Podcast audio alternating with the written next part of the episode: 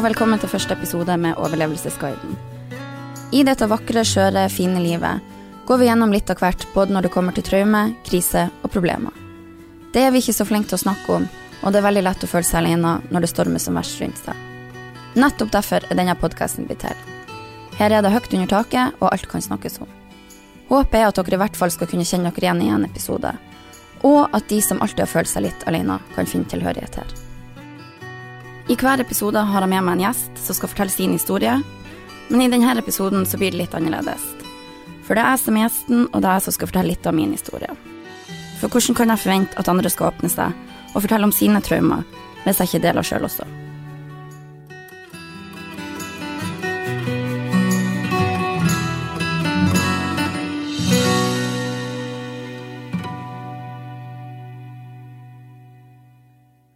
Mitt navn er Victoria, og i november 2019 falt verden sånn som jeg kjente den, i grus.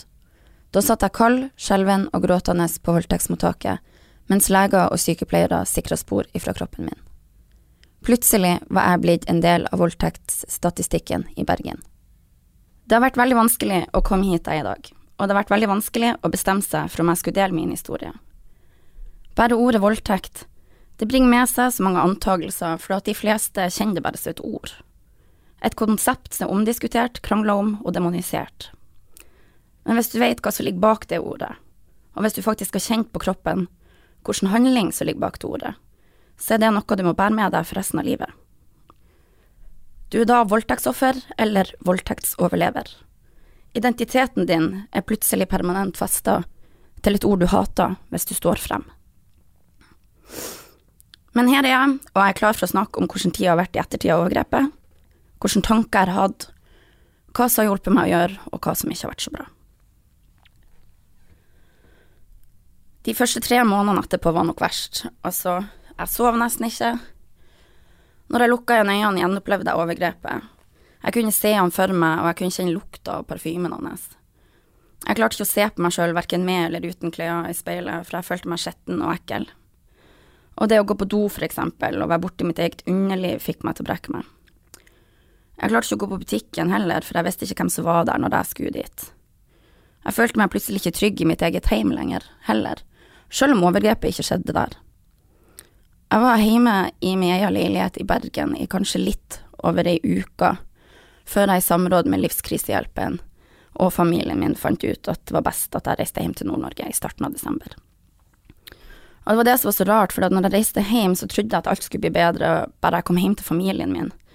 Men så føltes det ikke særlig trygt hjemme heller, for det om jeg var i Nord-Norge. Og den Victoria familien min fikk hjem, var ei Victoria de ikke kjente igjen. Jeg var irritabel, sint, redd, på vakt hele tida. Jeg kunne skvette for de minste ting, og bare noen snakka høyt nok eller bevegde seg for fort, så kunne det få meg til å få full panikk som bare resulterte i grining og Det var veldig vanskelig, ikke bare for meg, men for de rundt meg òg, for det at hvordan skal du forholde deg til ei datter, ei søster eller et barnebarn som har blitt voldtatt, og som på grunn av det ikke er til å kjenne igjen? Altså, fryktsenteret i hjernen min var jo påkobla til hver tid, og det minste ting blir oppfatta som fare. Og det skjønner jeg jo er jo ikke bare slitsomt, utrolig slitsomt for meg, men det er jo ekstremt slitsomt for de som er rundt meg òg, eller som var rundt meg på den tida.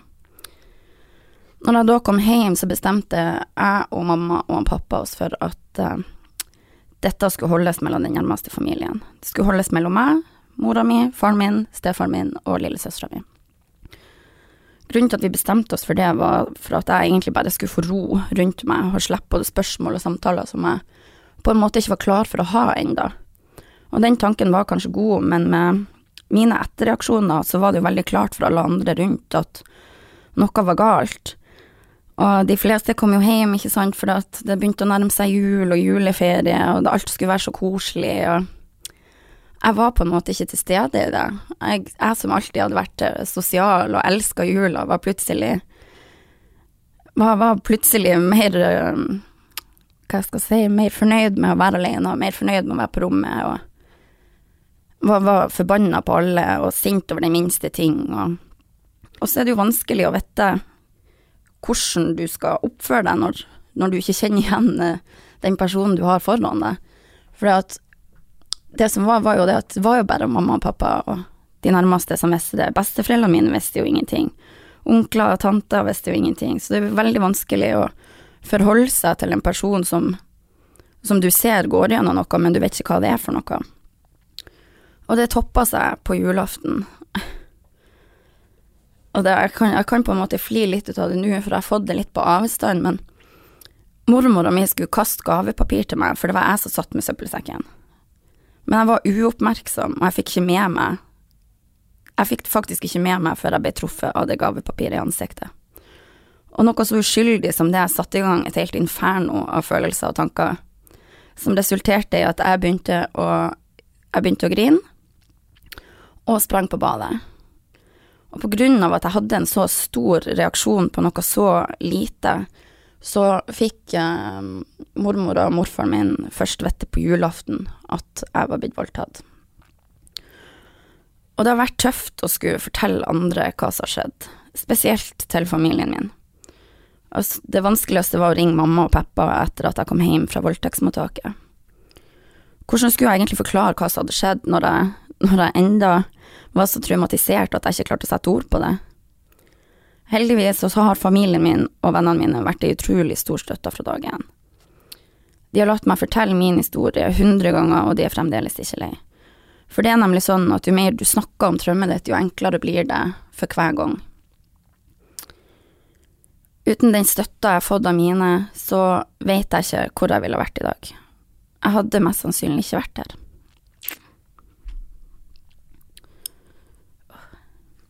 Nettopp derfor er det så viktig at vi snakker om det som er vanskelig. Og nettopp derfor står jeg også frem med min historie. For jeg hadde nemlig bestemt meg for at dette var noe jeg ikke klarte å leve med.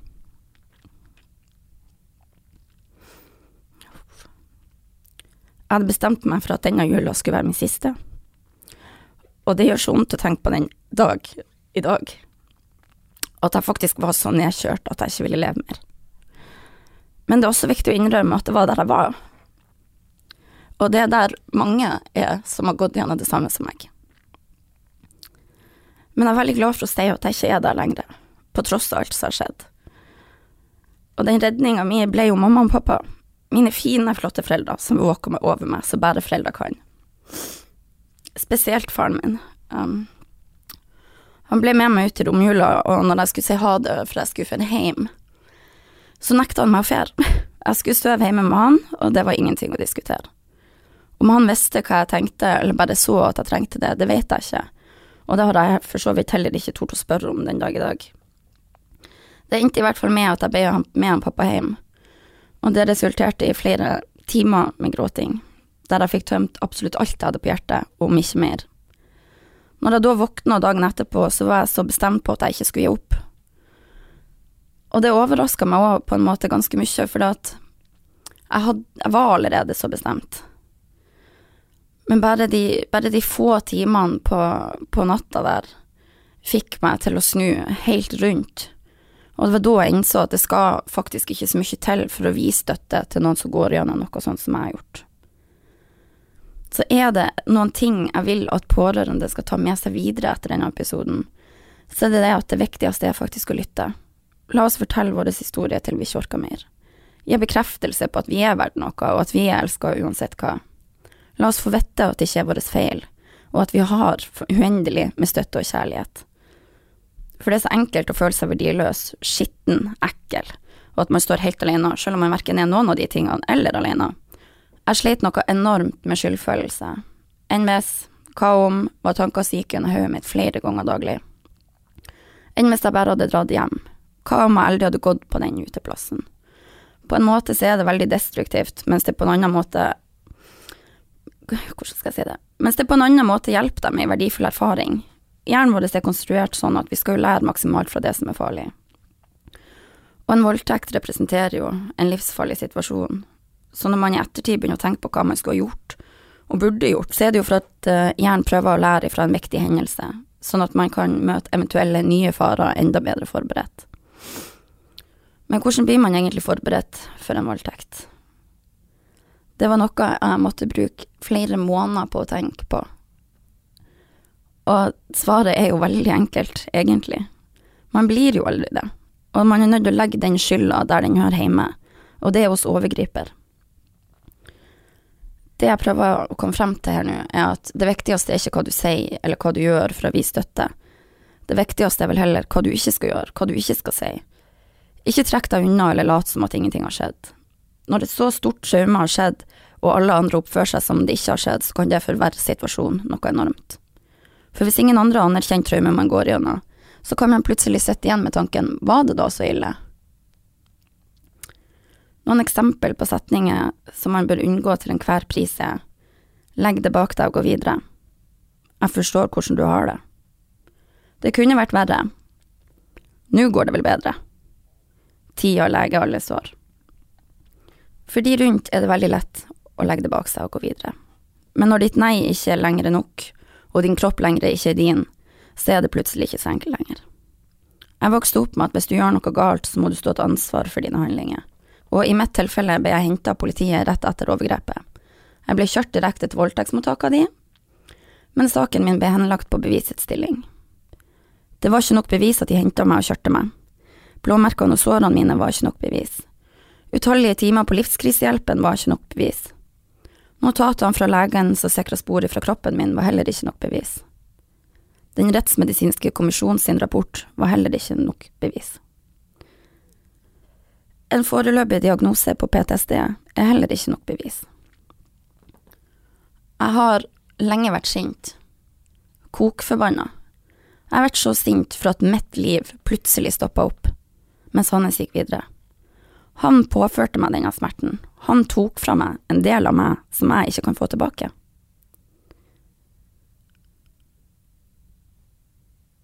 Og jeg klamra meg lenge så hardt fast til den versjonen jeg var før overgrepet. Altså, jeg har gjort mitt ytterste for å glemme, men det, altså, det gikk ikke, og det er jeg på en måte veldig glad for den dag i dag, for det er så viktig at man husker hver en eneste grusomme detalj sånn at du kan bekrefte i ditt eget hode at det har skjedd, og du har ikke bare innbilt deg. For det finnes de som vil si hun angra seg bare, eller det var nok ikke så ille. Og så finnes det de som vil si legg det bak deg og gå videre. Men med å huske hver en eneste detalj, så kan du erkjenne for deg sjøl at det var faktisk så ille, på tross av hva alle andre sier. Hver dag får tre personer beskjed om at saken de har anmeldt, er henlagt. Fra 2015 til 2017 var det registrert 4213 ferdigbehandla voldtektssaker i Norge. 614 av disse endte i rettssak. Det utgjør 14,6% av sakene. 3526 saker ble henlagt. 2000 ut av de ble henlagt fordi at påtalemyndighetene mente at bevisene ikke var gode nok til en fellende dom. De andre vanligste årsakene til henleggelse er at politiet ikke har nok opplysninger til å identifisere gjerningspersonen, eller at de ikke kan bevise at noe straffbart har skjedd, eller at forholdet er forelda. I Norge er det Vest politidistrikt som tar ut færrest tiltaler ut ifra antall etterforskede saker, og det ble mellom 2015 og 2017 tatt ut under én av ti tiltaler. I Nordland politidistrikt, som jeg opprinnelig kommer fra, endte voldtektssakene i retten dobbelt så ofte. Det har gått gjennom hodet mitt flere ganger. Enn hvis jeg bare ble voldtatt hjemme? Hadde jeg da fått middag i retten? Voldtekt er et omfattende samfunnsproblem i Norge, og én av ti damer oppgir å ha vært utsatt for voldtekt minst én gang i løpet av livet. Altfor ofte blir man møtt med fordommer og myter knytta til voldtekt, og veldig få av sakene blir faktisk anmeldt, på grunn av at behandlingstida er for lang og nesten ingen saker fører jo til domsfellelse. Det er nærmest straffefrihet for voldtekt i Norge, og nettopp derfor trenger vi en samtykkelov, og vi trenger den nå. Vi trenger en lov som understreker at sex uten samtykke er voldtekt. Det er også typisk at for å slippe unna ansvar for sine forbrytelser, så vil overgriperen gjøre alt i sin makt for at folk rundt skal glemme. Stillhet rundt overgrepet er første forsvarslinje, og hvis hemmelighold ikke fungerer, så angriper overgriper troverdigheten til offeret sitt. Hvis han ikke klarer å få henne til å være stille, så prøver han i hvert fall å sørge for at ingen hører på henne, med å komme med imponerende argument. Fra den mest åpenbare fornektelsen til den mest sofistikerte og elegante rasjonaliseringa. Man kan i hvert fall alltid forvente å høre de samme unnskyldningene. Offeret lyver, offeret overdriver, offeret kan skylde seg sjøl, og uansett så er det på tide å glemme fortida og gå videre. Jeg har opplevd eh, i ettertid at både overgriper og venner av overgriper har prøvd å sette meg i et dårlig lys. Sjøl mennesker jeg aldri før verken har møtt eller snakka med, har prøvd å undergrave meg som person. Jeg vet heldigvis hvem jeg er, og jeg vet hvilken type menneske jeg er. Og jeg håper at dere som har gått gjennom det samme som meg, finner styrke i at ingen andre kan fortelle din historie, for det er det bare du som kan. Hvem du er som person, har ingen noen rett til å uttale seg om, spesielt når de ikke engang kjenner deg. Sjøl om det kan føles som at livet verken har noe mening lenger, og at veien man hadde planlagt for livet ikke eksisterer lenger, så kan jeg fortelle med sikkerhet at livet blir bedre. Men der må man gjøre en jobb sjøl, og når det kommer til å gjøre en jobb sjøl, så har jeg dessverre gjort en del feil. Jeg var flink de første månedene til å oppsøke hjelp. Jeg var hos Livskrisehjelpen, og jeg var på akuttambulant psykiatrisk team før jeg skulle få min egen psykolog. Og da ble det plutselig veldig vanskelig. Vanskelig å skulle åpne seg opp for en ny person, og vanskelig å skulle gå gjennom alt en gang til. Det stoppa på en måte litt opp, og det endte med at jeg slutta å gå, rett før korona. Det å da sitte under korona med et så stort traume uten profesjonell hjelp var veldig vanskelig. Samtidig som det var en trygghet i at alle andre gjorde akkurat det samme som meg. De satt hjemme. Jeg fant på en måte ei falsk trygghet. De fleste jobba ikke, og de fleste var bare hjemme.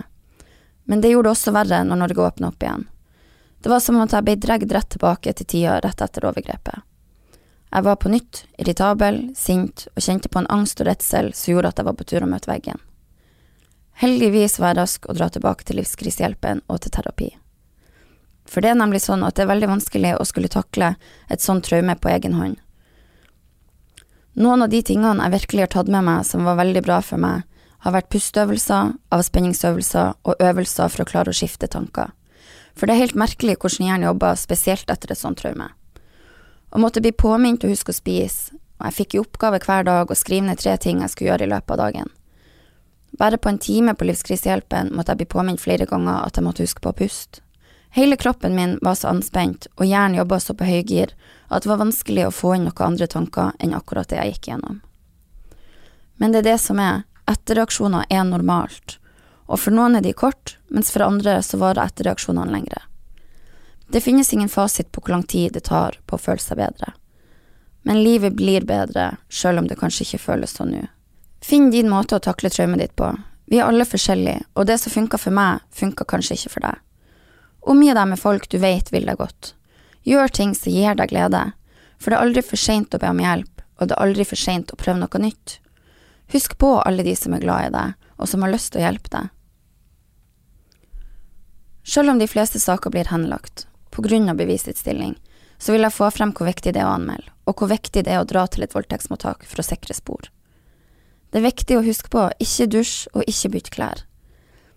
Når du først har anmeldt, så blir saken din liggende for alltid. Og hvis overgreper gjør noe med noen andre, så blir din sak også tatt opp. Sannheten kommer alltid for en dag, og ved å anmelde det, så gjør du det lettere for andre å stå frem med sin historie. Har du opplevd et overgrep og ikke anmeldt, så er foreldelsesfristen 15 år. Dersom en voldtekt er begått av to personer, er foreldelsesfristen 25 år. Ikke tenk at det er for seint selv om det har gått noen år, for det er det ikke. Til deg som er i samme situasjon, eller har vært i samme situasjon, så er det noen få ting jeg vil at du skal ta med deg etter denne episoden. Det blir bedre, selv om det kanskje ikke virker sånn akkurat nå. Gå til psykolog eller gå til Livskrisehjelpen for å få hjelp når du merker at du sliter med dagligdagse ting. Fortell din historie til du ikke orker mer, til noen du stoler på. For hver gang så blir det faktisk lettere. Og til slutt, du er verdifull, og jeg tror det.